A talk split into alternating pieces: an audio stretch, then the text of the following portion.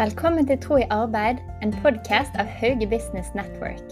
Jeg heter Silje Nordahl Sylta og skal i denne podkasten snakke med kristne i næringslivet og gründere om deres tro og arbeid. Jeg håper at disse samtalene kan være et oppmuntring og inspirasjon for deg.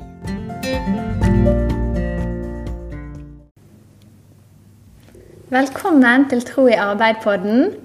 I dag så har jeg med meg Anders Torvild Bjorvann, helt fra Østlandet. Velkommen. Takk for at jeg fikk komme. Ja, Veldig kjekt at du er med her. Og kjekt å være en tur innom Bergen. Ja, sant det er fint der. Det er det. Nå er det full konferanse som foregår, så det er spennende tider. Veldig spennende. Det går veldig bra. Ja, det er bra. Men først, kanskje du forteller litt om hvem du er? Jo, 49 år, gift, to voksne jenter. Født og oppvokst i Askim i Østfold. Sivilingeniør i datateknikk som utgangspunkt. Og fungerer i det daglige som gründer, investor, styreleder. Ja, Veldig bra. Det er mye spennende du gjør, og det skal vi komme enda mer inn på. Men fortell bare for å få gitt deg litt mer sånn hvem du er som person. Én ting som gjør deg glad. Ja, være med familien er bra. Spise god mat, trene crossfit gjør meg glad. Eh, jobbe hardt og lenge gjør meg glad. Ja, for jeg skjønte at du òg er en så glad i sånn Du har oversikt litt over matmarkedet, Michelin-stjerner og de tingene. De, de kan du. Ja da, litt sånn jålemat en, en gang iblant. Heller det enn en sydentur. Ja, det er så fint. Og har du noe som gjør deg irritert?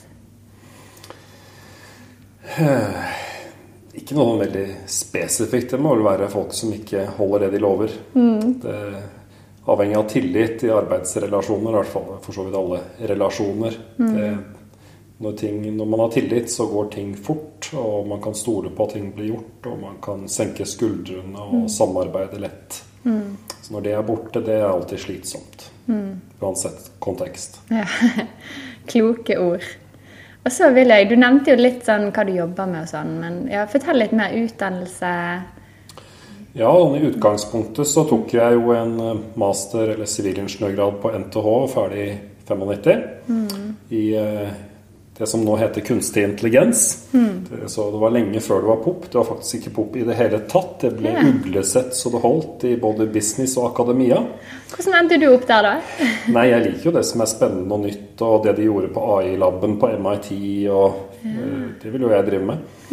Så har en tendens til å gjøre ting som er litt sånn forut for min tid. Nå har det jo blitt slik at bare du greier å regne ut et gjennomsnitt og helt triviell ungdomsskolestatistikk, så kaller man det kunstig intelligens for å selge det litt lettere. Så nå har det jo det blitt snudd helt på hodet. Ja.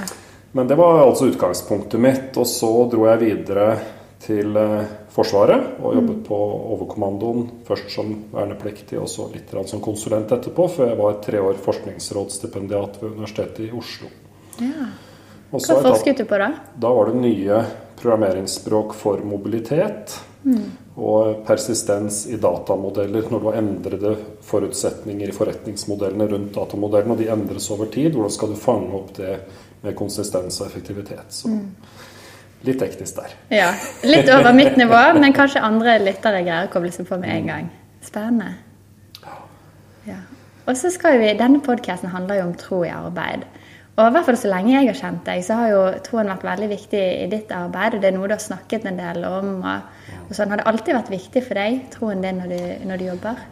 Ja, troen har vel alltid eh, vært viktig for meg. Det er klart, livet går jo i faser, men det er ikke noe punkt i mitt liv hvor ikke jeg har vært en troende. Selv om man har sine opp- og nedturer og sine overganger og nye nivåer eller tvilsperioder, så alltid vært en del av en troende familie i en aktivt praktiserende gudstjenesteliv, bedehusliv. Så det var helt naturlig at det var en del av også yrkeslivet. Så jeg gikk jo rett fra universitetet rett over å ta over en av bedriftene som min far hadde drevet som sånn hobby. Yeah. Hele min familie er jo lærere eller akademikere innen språk og litteratur. Så jeg er da det sorte fåret som da ble realfagsretningen, da, eller ingeniørretningen. Yeah. Og eh, så han hadde det som en hobby, denne bedriften, da. Så selv om han egentlig drev med engelsk språk. Så jeg tok over den vesle IT-bedriften som han hadde hatt som hobby, gjorde det til yrke. Og så stiftet jeg ganske snart en bedrift til som var hermetegn bare, bare min, da. Bare Mm. min idé. Så jeg både forvaltet hans idé videre og mine ideer Ja. videre i hver sin bedrift inntil jeg solgte den for en ukes tid siden. Ja. Så nå har jeg bare min egen igjen. Så det var et viktig kapittel i vår families historie. Men to IT-bedrifter med programvareutvikling er det som er eh, dagligvirke i hovedsak, da. Ja. Hvorfor gikk du inn i de bedriftene? Hva motiverte deg?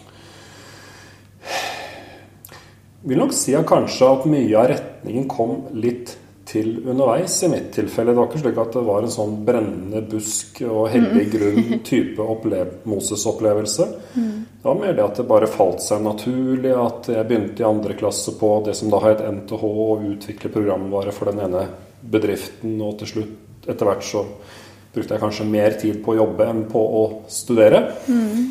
På godt og vondt. Men i og med at det var relevant, så er det ikke sikkert at det var et så stort offer i det store og det hele. Men jeg jobbet veldig mye fra med andre klasse i sivilingeniørstudiene. Og det bare Ja. Det var oppgaver som lå der, og jeg så at jeg kunne gå inn i det. Da gjorde jeg det, og så bare skjedde livet på en måte. Og så ble kanskje kallsopplevelsen tydeligere underveis. Hvorfor er dette viktig? Hva ligger av muligheter her? Og jeg tror kanskje ofte at eh, Gud finner oss i det små og det stille der vi er, fremfor at vi skal få Men skriften på veggen var jo ikke en positiv ting. Det var en ganske skummel advarsel, faktisk. Så jeg tror ofte at Guds åpenbaringer skjer der vi, der vi er. Det er ikke nødvendigvis slik at Gud skal kalle oss ut av der vi er, men der du ender opp med å befinne deg, så kan du finne store oppgaver som kan bli større og få større mening enn du kanskje først så. Og var nok litt sånn det var for meg. Og den bedriften jeg startet selv, så startet det ut med litt sånn derre ambisiøse tanker om kristne portaler. For portaler var jo det store da sent 90-tall, tidlig 2000-tall. Og det var nok mye ærgjerrighet og ambisjon og eh, egofokus, hvis man skal være helt ærlig på hvorfor gjorde man det. Hvorfor var det så viktig å bli størst og best og popul mest populær og bli en kristen variant av disse verdslige verdiene som dreide seg om popularitet og berømmelse. Og så ble vi kanskje ydmyket underveis på å se hva vi fikk til, hva vi ikke fikk til. Kanskje Gud ville at vi skulle justere det litt, men allikevel ta med det vi hadde lært og det vi hadde bygget, men gjøre det litt annerledes. Og sakte, men sikkert så ble fokuset mye mer på tjenerskap og legge til rette for at menigheter og misjonsorganisasjoner og andre frivillige organisasjoner kan lykkes. Veldig bra. Og det er flere ting du sier, men jeg syns det du sier med at eh, Gud har liksom formet deg litt og litt underveis, og at det ikke har vært denne store brennende busken. Og sånn tror jeg det egentlig er for de fleste av oss. At Gud leder i hverdagen og litt og litt, og at det ikke trenger å være disse svære opplevelsene. Så det syns jeg er et veldig viktig poeng, poeng du får fram der. Så lurer jeg på, Har det vært liksom noen spesielle hendelser eller opplevelser som har gjort at ja, trosfokuset har blitt enda sterkere i jobben, eller Mange enkeltstående ting. Ja. Ikke noe sånn veldig stort. Det har vært eh, skritt for skritt. Og jeg tror det er viktig hvis man får åpenbaringer, at man opplever at Gud viser en noe, at eh, da kaller han deg til å være det bønnesvaret. Så det er Gud viser deg at nå skal du gå inn i det, Anders, eller nå skal du gjøre det. For det er altfor mange som opplever at ja, nå skal hvis det skjer med meg. Opplever at Gud har talt det til meg, og det kan godt hende han har gjort det. Og så sitter du med beina i kors og venter på at Gud skal gjøre det. Men hvis Gud har kalt Moses foran den brennende busken til å ta folket ut, så går Gud med, men det er Moses som skal ta Egypt. Eller israelsfolket ut av Egypt. Så det er det å faktisk være villig og lydig til å gå. Ikke løpe foran Gud, men å gå sammen med Gud. Og ikke sitte og vente på, nærmest skylde på Gud og bli mismotig og skuffet over at denne flotte drømmen Gud har gitt meg, den skjer jo ikke. Det er ikke så rart. Du gjør jo ingenting selv. Det gjelder det å, å gå litt og litt, og så vil kanskje tingene bli den store drømmen, men man må jobbe for det. Ja, og da tenker jeg utfordringen er å ta med Gud inn i hverdagen. Ikke tegne de svære ambisjonene, for problemet med svære mål, svære ambisjoner, svære visjonssetninger, målsetninger, er at de kan fort bli din identitet, mm. istedenfor at identiteten din er i Gud. Så fokuser heller på jobb hvordan du kan etablere et fellesskap med Gud, slik at det er det som er det bærende. Og hva han da vil med dagen din, hvor du som eh, ansatt eller leder eller bedrift skal være om fem år, det har ikke du noe med. Det er Gud som bestemmer. Det betyr ikke at vi og Gud skal spille på lag. Men det er ikke noe mål i seg selv å lage noen svære ambisjoner. Gud tar seg av styringen, og så må vi være villige til å lytte og justere. eh, Og ikke ta dette som noe eh, signal om man ikke skal være målrettet. Men man skal ikke være drevet av ytre mål. Det, det tror jeg skal vokse organisk fram sammen med veien med Herren. Spennende. Du er inne på denne hverdagstroen. Hvordan ser hverdagstroen ut for deg i praksis? Er det noe du gjør eh, i relasjonen din til Gud for å vedlikeholde den? Eller? Ja, veldig enkelt. Så har vi et bønnerom på jobben. Og da har vi bønn før lunsj hver dag, alle sammen.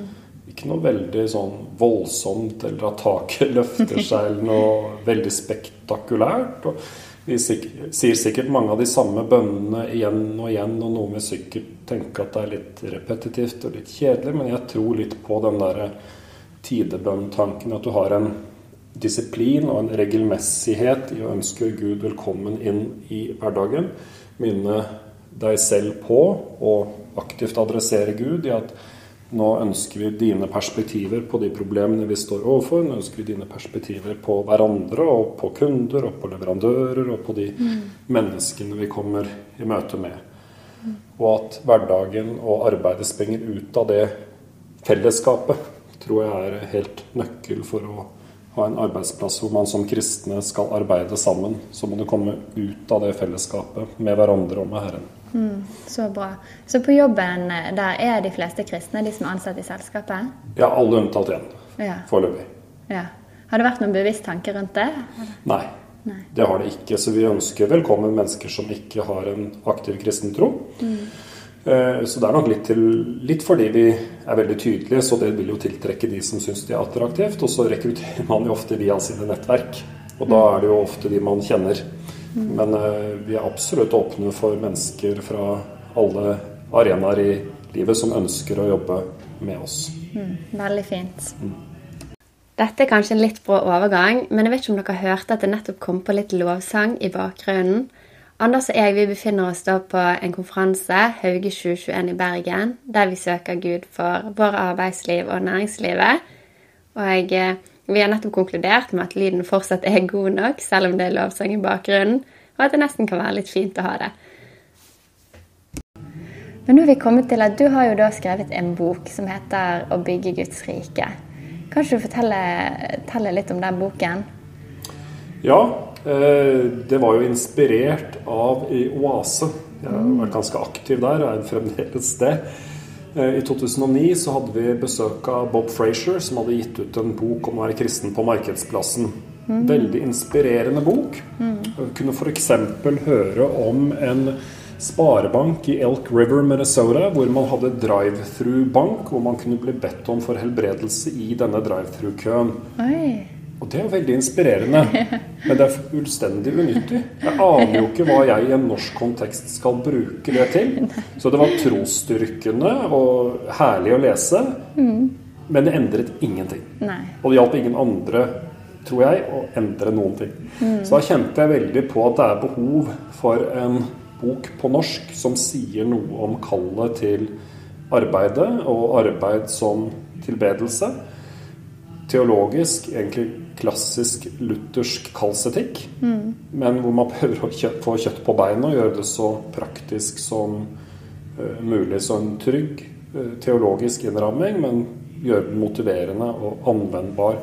Så bakerst i boken så er det jo til og med ti yrkesgrupper som er valgt ut for å prøve å gjøre det litt mer anvendt innenfor helsearbeidere, næringslivsledere, jurister, lærere etc. Ja, det, er- det synes jeg, jeg har jo lest den, jeg syns det er så fint hvor praktisk den er òg. Men jeg har lyst til å bare fortelle litt om, om teologien. eh, Altså bak arbeidets teologi. Det er ikke sikkert alle her eh, har reflektert så mye som det du har gjort. Ja, jeg tenker jo at Bibelen har jo en stor linje. Mange tenker jo at Gud skapte alt perfekt i Edens hage. Og så er det vår oppgave som menneskeslekt å ikke rote det til. Men det er helt feil. Vi er skapt i Guds bilde. Vi er skapt som hans medskapere. Og det Gud har skapt, det skal vi være med å kultivere. og forbedre. Så når Gud skaper korn, så skal vi lage brød. Når han har skapt bomull, så skal vi lage klær. Når han har gitt oss muligheten til å uttrykke lyd, så kan vi lage musikk. Og sånn er det, er det til Guds ære at vi tar det han har, og gjør det enda bedre for andre mennesker og for samfunnet. Da reflekterer vi hans storhet og hans skaperkraft, som vi er en liten refleksjon av. Og når Bibelen starter med hagen, og vi får i første Mosebok 1.28 forordningen om å bli mange og legge jorden under oss, så må vi tenke hvordan ser det ut å være mange og legge jorden under seg? Jo, det er et svært, svært samfunn med millioner og milliarder av mennesker. Hvordan skal det organiseres? Hvordan skal folk få mat? Hvordan skal man ordne samhandling, demokrati, politikk, prosesser som er rettferdige, rettsvesen? Hvordan skal mennesker få mat? Hvordan skal de få utdanning og trening til å greie å finne sin rolle i samfunnet? Hvordan skal man hjelpe familiene? Og alt det peker mot slutten av Bibelen, hvor det kommer fra Gud igjen. Han skapte hagen. Til slutt så skaper Gud byen. Det nye Jerusalem som kommer ned. Som kristen så har vi hatt en tendens til å fjerne første, de to første og de to siste kapitlene fra Bibelen. Så vi mangler plottet, og vi mangler løsningen. Alt mellom der er Guds ord. Altså Hvis vi starter i første Mosebok kapittel 3, så er det syndefallet. Går vi til åpenbaringen 20, tredje siste kapittelet, så er det dommen. Alt som dreier seg om frelse fra synd og forsoning med Gud, som går fra syndefall til dom, er jo Guds ord. Men hvis ikke vi forstår hvorfor har Gud gitt oss muligheten til fri vilje, hvorfor har Gud gitt oss muligheten til fall når han visste at vi måtte falle, for å så kunne plukke oss opp igjen gjennom Jesu forsoning. For det virker jo som en litt sånn meningsløs hamsterhjul. At jeg skal bli frelst, sånn at jeg kan få andre til å bli frelst, og tipse andre om å bli frelst. Hvis du ser den store tanken bak, at det er innrammet at Gud elsker oss, og han skapte oss, og han ønsker å se en menneskeslekt i sitt bilde blomstre. Og det har en retning mot en by. Og den byen greier aldri vi å skape, for våre byer er ikke alltid så vakre. Selv Bergen. Selv Bergen. Men jeg tror allikevel vi er kalt til å, gjøre, å gå mot retningen av Guds nye Jerusalem. Vi er kalt til å skape gode arenaer for at mennesker og menneskeslekten, enten de er kristne eller ikke, skal blomstre, og etter hvert også lære Gud å kjenne og komme til sannhetens erkjennelse og bli forsonet med Gud gjennom Jesus Kristus. Men at vi er kalt til arbeidet. Og ordet som brukes på hebraisk om tilbedelse, er det samme som brukes om arbeidet av Oda. Og så tenker man ja, men er alt arbeid tilbedelse? Nei, det er det ikke. Masse arbeid som ikke er en tilbedelse. Tvert om, det er det motsatte. Masse arbeid som er en avgud. Altså Som gjør at du tilber noe helt annet enn Gud. Fordi arbeidet blir din identitet, arbeidet blir din stolthet, arbeidet blir kanskje til og med ting som er negativt. Og for at arbeidet skal være en tilbedelse, så må det komme ut ifra fellesskap. Så når vi sier til Gud 'Pappa, hva gjør vi i dag? Hvilke planer har du?' At vi er skapt til Kristus Jesus til gode gjerninger, som han på forhånd har lagt ferdig for at vi skulle vandre i dem. I Efeserne 2.10. Altså Gud går med. Han har forberedt det, og han går med. Så vi skal ikke løpe foran og prøve å imponere Gud. Det er ikke tilbedelse. Da tilber vi egentlig vårt eget ego. Men hvis vi går med Gud og sammen gleder oss over hva vi kan gjøre i kjærlighet til Han og til andre mennesker gjennom å gå med Han, da er arbeidet tilbedelse. Og det er vi kalt til. Ja, det er så fint. Åh, jeg tror flere får kanskje noen øyeåpner der ute, og, og noen gode påminnere. Og du, har jo også, du er jo òg en skaper, skulle jeg si. Du er jo en gründer, så du har jo skapt flere ting. Og, og det selskapet du jobber i nå, det er jo Kom- Kommunion, og det har du både skapt og, eh, og leder nå. Eh, Ja, hvorfor startet du det, og, og kan du fortelle litt eh, om det? Er nok en litt sånn kreativ sjel, så i starten gjorde vi alt mulig. Jeg var så vidt inne på at vi lagde litt kristne portaler. Vi lagde kristne tegneserier, litt online bibelversløsninger, databaser for å gjøre det lettere å finne menigheter. Vi oversatte Bibelen til SMS-språk. Vi lagde bøker for å eh, vise hvordan man kunne forkynne til barn ved hjelp av ballonger. Vi gjorde alt. og Vi lagde masse musikk og sanger og alt som var kreativt og kunstnerisk og, og gøy, og blanding av ja, kunst og teknologi, egentlig. Det gjorde vi. Så det var en litt sånn formativ finn deg selv-fase, kanskje. Som jeg tror var ikke så veldig ytre sett nyttig, men helt nødvendig indre sett for å formes og for å forberede seg på en mer målrettet satsing senere. Hvor vi ikke så veldig lenge etterpå begynte veldig målrettet å lage programvare for å hjelpe først menighet og misjon, og så i neste omgang kirkesamfunn og sivilsamfunnsorganisasjoner som ønsker å bidra til gode ting i samfunnet, enten de er kristne eller ikke. Ja, så bra. Og det er jo et CRM-system, en database der de har alle medlemmer og Medlemmer og fundraising og kommunikasjon og alt som gjør at de kan ta godt vare på de som ønsker å støtte de gode saker til beste for samfunn og medmennesker. Har det vært, altså Etter hvert som du har utviklet dette selskapet, har det vært eh, noen sånne konkrete ting der du bare har liksom virkelig måttet søke Gud for ja, noen nedturer eller oppturer? eller... Ja, det er klart som gründer, det er tøft. Eh, man har fått mye tid til å mimre i og med at som jeg nevnte, at jeg solgte det ene selskapet her i forrige uke. Eh, Hva man har vært med på opp igjennom. Det er ikke noe tvil om at vi har ofte hatt huset i pant. På det verste så måtte jeg ha et likviditetslån fra min mor for å komme oss gjennom jula. Selskapet gjennom jula, altså. Det er ganske tøft. Ja, og det kan du ikke da fortelle dine ansatte. De tåler, da tenker man som leder, og det tror jeg er rett, at de tåler ikke det, og de skal ikke tåle det. Det må du som gründer og leder tåle. Og det er veldig krevende. Så det er veldig ensomt å være leder, spesielt kanskje i en gründerbedrift. Men uh, i sånne situasjoner så er det klart man ber mye og kommer vel i fare for den der tradisjonelle 'Gud, redd meg'. Eh, Enten 'Gud, redd meg, nå er jeg i trøbbel', eller 'Gud, nå har jeg en kjempeidé, kom og velsign det'. Istedenfor kanskje mer proaktivt hvile i Gud og tenke at det er ditt Gud, vis meg hva jeg skal gjøre. Ikke, ikke kapitulere og ikke gjøre jobben sin, men ønske Gud velkommen inn både i det vonde og det vanskelige og i det mer fremoverlente. da. Det er fort gjort at vi går i egen kraft. Men vi har mange eksempler på at vi har eh, bedt og fått svar, og veldig konkret. Jeg husker en gang vi sto på kontoret, og så Det var tilbake når vi hadde fysiske telefoner. Jeg vet ikke om du husker de, sånne som lå på bordet, med ledninger og sånn. Husker de så vidt. Ja. og da sleit vi veldig med en kartintegrasjon i det ene systemet vi leverte. Hvor vi opplevde at den leverandøren vi jobbet med, så var vi for små til å være interessante. Så de leverte ikke godt nok til verken oss eller til kundene våre. Så det ble bare tøys.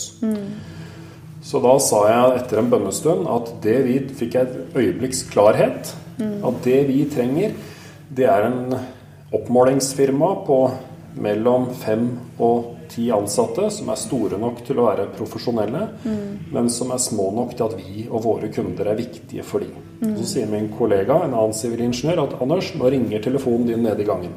Så jeg løper og får dratt av røret. Ja, hallo, dette er det og det firmaet fra Gjøvik. Vi er sju medarbeidere og lurer på om dere trenger noe hjelp til noen kartsystemer. Wow, akkurat i det øyeblikket. Så man har noen sånne trosstyrkende opplevelser hvor du tenker at det er går ikke an å forklare på noen annen Nei. måte. Og så er det selvfølgelig vitnesbyrd på at man er tydelig på at eh, vi er et firma med båret av kristne verdier, og at bønn er viktig. Så husker en gang på det samme sentralbordet, da var det en som ringte inn og er det her vi kan ringe for å få forbønn for syke? Og moren min er på sykehus nå. Og da ble jeg litt papp, og så svarte ja ja, det er klart det. Så stilig. Så mange sånne ting man opplever ting som kanskje avviker litt fra den mer trauste hverdagen som vi også selvfølgelig har mest av. Ja. Men man får noen sånne glimt av himmel, eller glimt av at man får lov til å bety noe for noen andre litt utover det du kanskje hadde tenkt den dagen. da. Det å tørre å gi dagen litt over til Gud. Ja, det er så bra. Og vi kjenner jo hverandre litt gjennom en Hauge-bevegelse, Hauge Business Network. Og jeg vet at Hans Nilsen Hauge har vært en viktig, vært en viktig inspirasjon for deg. Og, og jeg, eh, lurte litt på Du har jo laget en Hauge-paragraf. Ja, Hva, hva er det? Og, Nei, Jeg prøvde liksom å komme ned til hva er essensen i å være en bedrift som eh, ønsker å gå på prinsippene til Hans Nilsen Hauge. Og så er det jo slik i Brønnøysund, hvor vi registrerer selskapene våre, at man pleier å ha selskapets navn i paragraf 1 og forretningsadresse kommune i paragraf 2. Og så paragraf 3 pleier man å ha formålet. Mm. Og formålet i en bedrift er veldig sånn juridisk, teknisk. At mm. man driver med eiendom, eller man kan investere i andre som driver med eiendom, eller man driver med konsulentvirksomhet og kursvirksomhet, eller man kan investere i mm. andre som driver med det tilsvarende virksomhet. Så det er veldig sånn eh, næringskodeorientert og ikke så veldig visjonært. Mm. Og det er krav fra myndighetene for at dette skal passe inn i databasene til Brønnøysund. Ja. Men så tenkte jeg, går det ikke an å skyte inn en paragraf 4 mm. som sier noe om at selskapets formål er forankret i grunnverdiene til Hans Nilsen Hauge. Mm. Som vi da mener er overgivelse til Jesus Kristus mm. og nestekjærlighet og samfunnsbygging. Mm. Så da prøver vi liksom å pøse på i Brønnøysundregistrene med vedtektsendringer hvor bedrifter skyter inn en paragraf 4. For vi tenker jo det at det starter med overgivelse til Kristus. Hvis du bare legger igjen resultatene av Haugevekkelsen, mm. nestekjærlighet og samfunnsbygging, mm. da har du ikke noe fundament. For det må komme fra et sted. Mm. Så det er helt nødvendig for å ha en troverdighet på at du ønsker å gjøre det samme som Jesus kalte Hauge til. Mm. At du starter med Jesus. Mm. Så overgivelse til Jesus Kristus, at det springer ut av fellesskapet med han på jobben. Mm. Og så vil du være helt da er det ikke til å unngå. Når du går med Jesus, så er hans retning på arbeidet det er mot mennesker i kjærlighet. Mm. Og da har du nest, nestekjærlighet og samfunnsbygging mm. som to helt avgjørende resultater da, av mm. Eh, overgivelse til Kristus. Ja, det er, veld, det er, veldig fint. Men, ja, så du synes det er en, altså, tror du det er en forskjell på å være en haugianer versus en vanlig bedriftseier? Absolutt. Ja. ja for, hovedforskjellen er jo med fare for å bli pretensiøs, da. Vi er vanlige mennesker, vi også, så med, vi, har nok, vi er fort gjort for å tenke like mye på oss sjøl som alle andre. Men mm. ønsker iallfall å strebe mot å tenke at jeg bare er en forvalter. Mm. At aksjeeieren er faktisk Gud. Mm. At vi er satt til å forvalte hans verdier. Og det fine med det er at da har du et stakeholder-perspektiv, eller sånn multiple bunnlinjeperspektiv med en gang. For hva er det Gud som eier ønsker å ha avkastning på? Mm. Ønsker han avkastning på pengene? Ja. For ellers så er det jo ikke mulig å få ting til å gå rundt og investere i nye ting og hjelpe andre også til å lykkes i neste omgang. Mm. Helt nødvendig at man respekterer kapitalen. Mm. Men det er så mange andre verdier som er Guds, som bedriften rår over, som mm. Gud er minst like opptatt av. De ansatte, kundene, leverandørene, lokalmiljøet, det globale klimaet, eh, etisk handel, unngå sla moderne slaveri i supply-linjene. Mm. Alt det, eller at urettferdighet, at mennesker blir eh, kompromittert, ikke eh, blir fratatt, eller at de blir fratatt sin mm. frihet. Å sørge for alle de etiske tingene kommer som en naturlig konsekvens mm. fordi det er Guds. Det er, ikke, det er, ikke, mitt. Jeg er bare gitt å forvalte det. Mm. Og, eh, og det ligger jo i den Hauge-paragrafen med overgivelse til Kristus Jesus. Det betyr at det er han som eier. Mm. Så det er kanskje det viktigste. Mm. Og Det er så flott, for det skifter på en måte fokus på hvorfor man gjør det. Og hvem jobber man for? Jobber man for egen vinning eller investors vinning? Nei, først og fremst jobber man for, for Gud. Og så er alt det andre på en måte òg ting man jobber med. Ja, og det må jo ikke bli en unnskyldning til ikke å drive profesjonelt. Overhodet ikke. Tenke mm. tvert om at det kaller oss jo til enda større grad virkelig gjøre vårt beste for å levere på så høyt nivå som vi bare makter. Mm. Absolutt. Og det er jo noe vi, vi har jo snakket om eh, jeg bare minner meg om det med impact investment. Og det er jo noe vi har snakket om veldig nylig, og vi mm. har hatt på konferansen her. Og, og, ja, for de som ikke vet det. Hva, hva er impact investment? ja, impact investment betyr at man har flere bunnlinjer. Man har mm. flere ting som man Eh, enten likeverdig eller i hvert fall med tydelig definerte balansekriterier måler på hva er det vår bedrift skal oppnå. Skal den oppnå så og så profitt? Skal den oppnå så og så mange trygge og gode arbeidsplasser? Skal den bidra så og så mye til klima? Eh, og så setter du forskjellige kriterier, og da er det avgjørende at investorene som går inn, de respekterer at de, alle kriteriene veies og vurderes. Og hvis man ikke får måloppnåelse på én, mm. så er det like viktig å gjøre innsats for å få det opp, mm. som det er på profitten. Mm. Det er ikke så lett, Nei. for det er eh, kapitalen som eh, skal betale lønningene. sånn at det er fort gjort at den stjeler oppmerksomheten i en bedrift. Og det er lett i en solskinnsdag å si at det er så lett å drive med eh, bærekraft, for det har vi råd til. Men vi strever i hvert fall med å prøve å få til at bedriften har et tydelig hvorfor, som ikke er et billig markedsføringstriks, som det ofte mm. kan være, men at det er helt i kjernen av hvorfor bedriften finnes. Mm. Og hvor penger blir et nødvendig middel, mm. men ikke et mål. Så man skal ha en forsvarlig og god avkastning på kapitalen, men det er ikke et mål i seg selv, og det er overhodet ikke det eneste målet. Det er ett av flere nødvendige mål. Og ja. ja. Er det noen som lykkes med det? For det virker veldig vanskelig det der å, når du hele tiden på en måte har krav fra folk rundt at du må skape profitt, og så har du menneskene du har lyst til å ta vare på, miljøet mm. um. Det er jo ikke lett, eh, men det blir lettere fordi samfunnet er i ferd med å våkne opp til det. Så nå f.eks. begynner banker, eh, større fond, forskjellige eh, finansmiljøer og sette krav, og også politiske miljøer i forhold til støtteordninger, og mm. si at hvis ikke du har det inne, så får du ikke, vil ikke vi jobbe med det.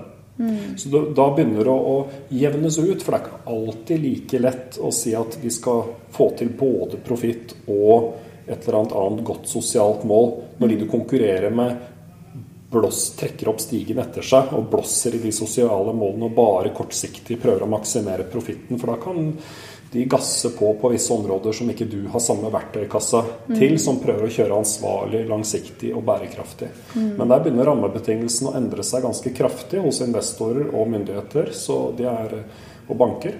Mm. Så det er moro å se. Så det er mye lettere å få dette til å gå nå. Det er mange svære milliardklassefond rundt omkring i verden som nå satser utelukkende på impact investment, mm. og leverer gode finansielle tall også. Mm. Og det er jo kjempebra. Det er veldig kjekt å se at liksom samfunnet, altså flere ting i samfunnet legger mer og mer til rette for gode investeringer. For vi har nok gått i en altfor lang tid der vi ikke har tatt forvalteransvaret på alvor. Mye menneskerettigheter har blitt brutt, mye vært veldig dårlig arbeid med miljø, klima, natur generelt. Ja. Så det er fint at flere våkner opp her.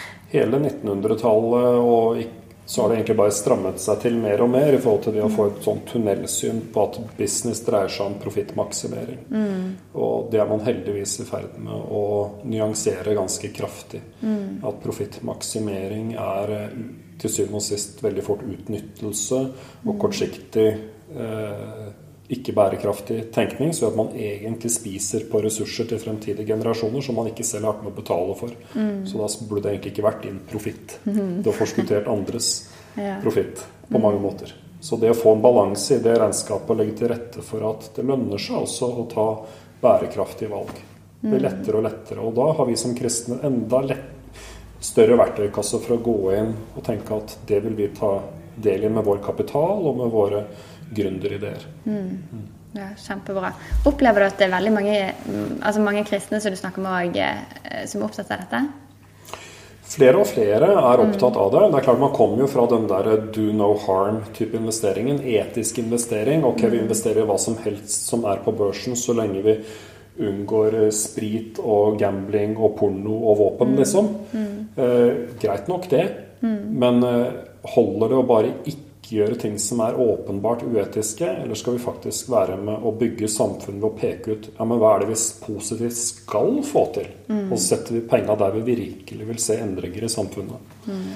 Og der ser vi at det begynner å komme en dreining fra etisk investering og etisk handel, som kristenverdenen har vært ofte ledende på, mm. over i den mer offensive. Men da må man få et mer helhetlig fokus på kapital og mm. der er kanskje Kristen-Norge litt umodent, men jeg ser i hvert fall mange positive signaler. Mm. Ja, det er veldig kjekt å høre. Og vi begynner jo faktisk allerede å gå litt mot slutten av denne samtalen. Eh, er det noe mer du har lyst til å legge til? Nei. Det, det, du er veldig på sak. Hva er det du ønsker at lytteren først og fremst skal sitte igjen med etter denne samtalen? Vi kan jo ta et lite Hauge-sitat. I, våre bedrifter vil vi søke å lyse for verden at det kan gå an å være Guds barn i all nødvendig gjerning. Så de aller, aller fleste oppgaver i samfunnet er nødvendige i Guds øyne, og vi skal gå inn i dem, lyse for verden, vise at vi som Guds barn kan gå inn med Gud, ha han med oss på arbeidsplassen i alle typer oppgaver. Mm. Tusen, tusen takk, Anders, for at du er med oss her i dag og deler. Det setter vi veldig pris på. Lykke til videre med kommunion og arbeidet og alt du står i. Takk for at jeg fikk komme.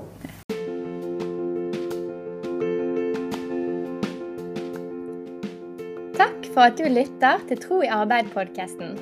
Hvis du likte innholdet, så må du gjerne dele det videre. Og Hauge Business Network vi blir alltid glad for nye medlemmer og samarbeidspartnere så sjekk oss gjerne ut på Facebook eller nettsiden haugebusiness.no. Gud velsigne deg og arbeidet ditt.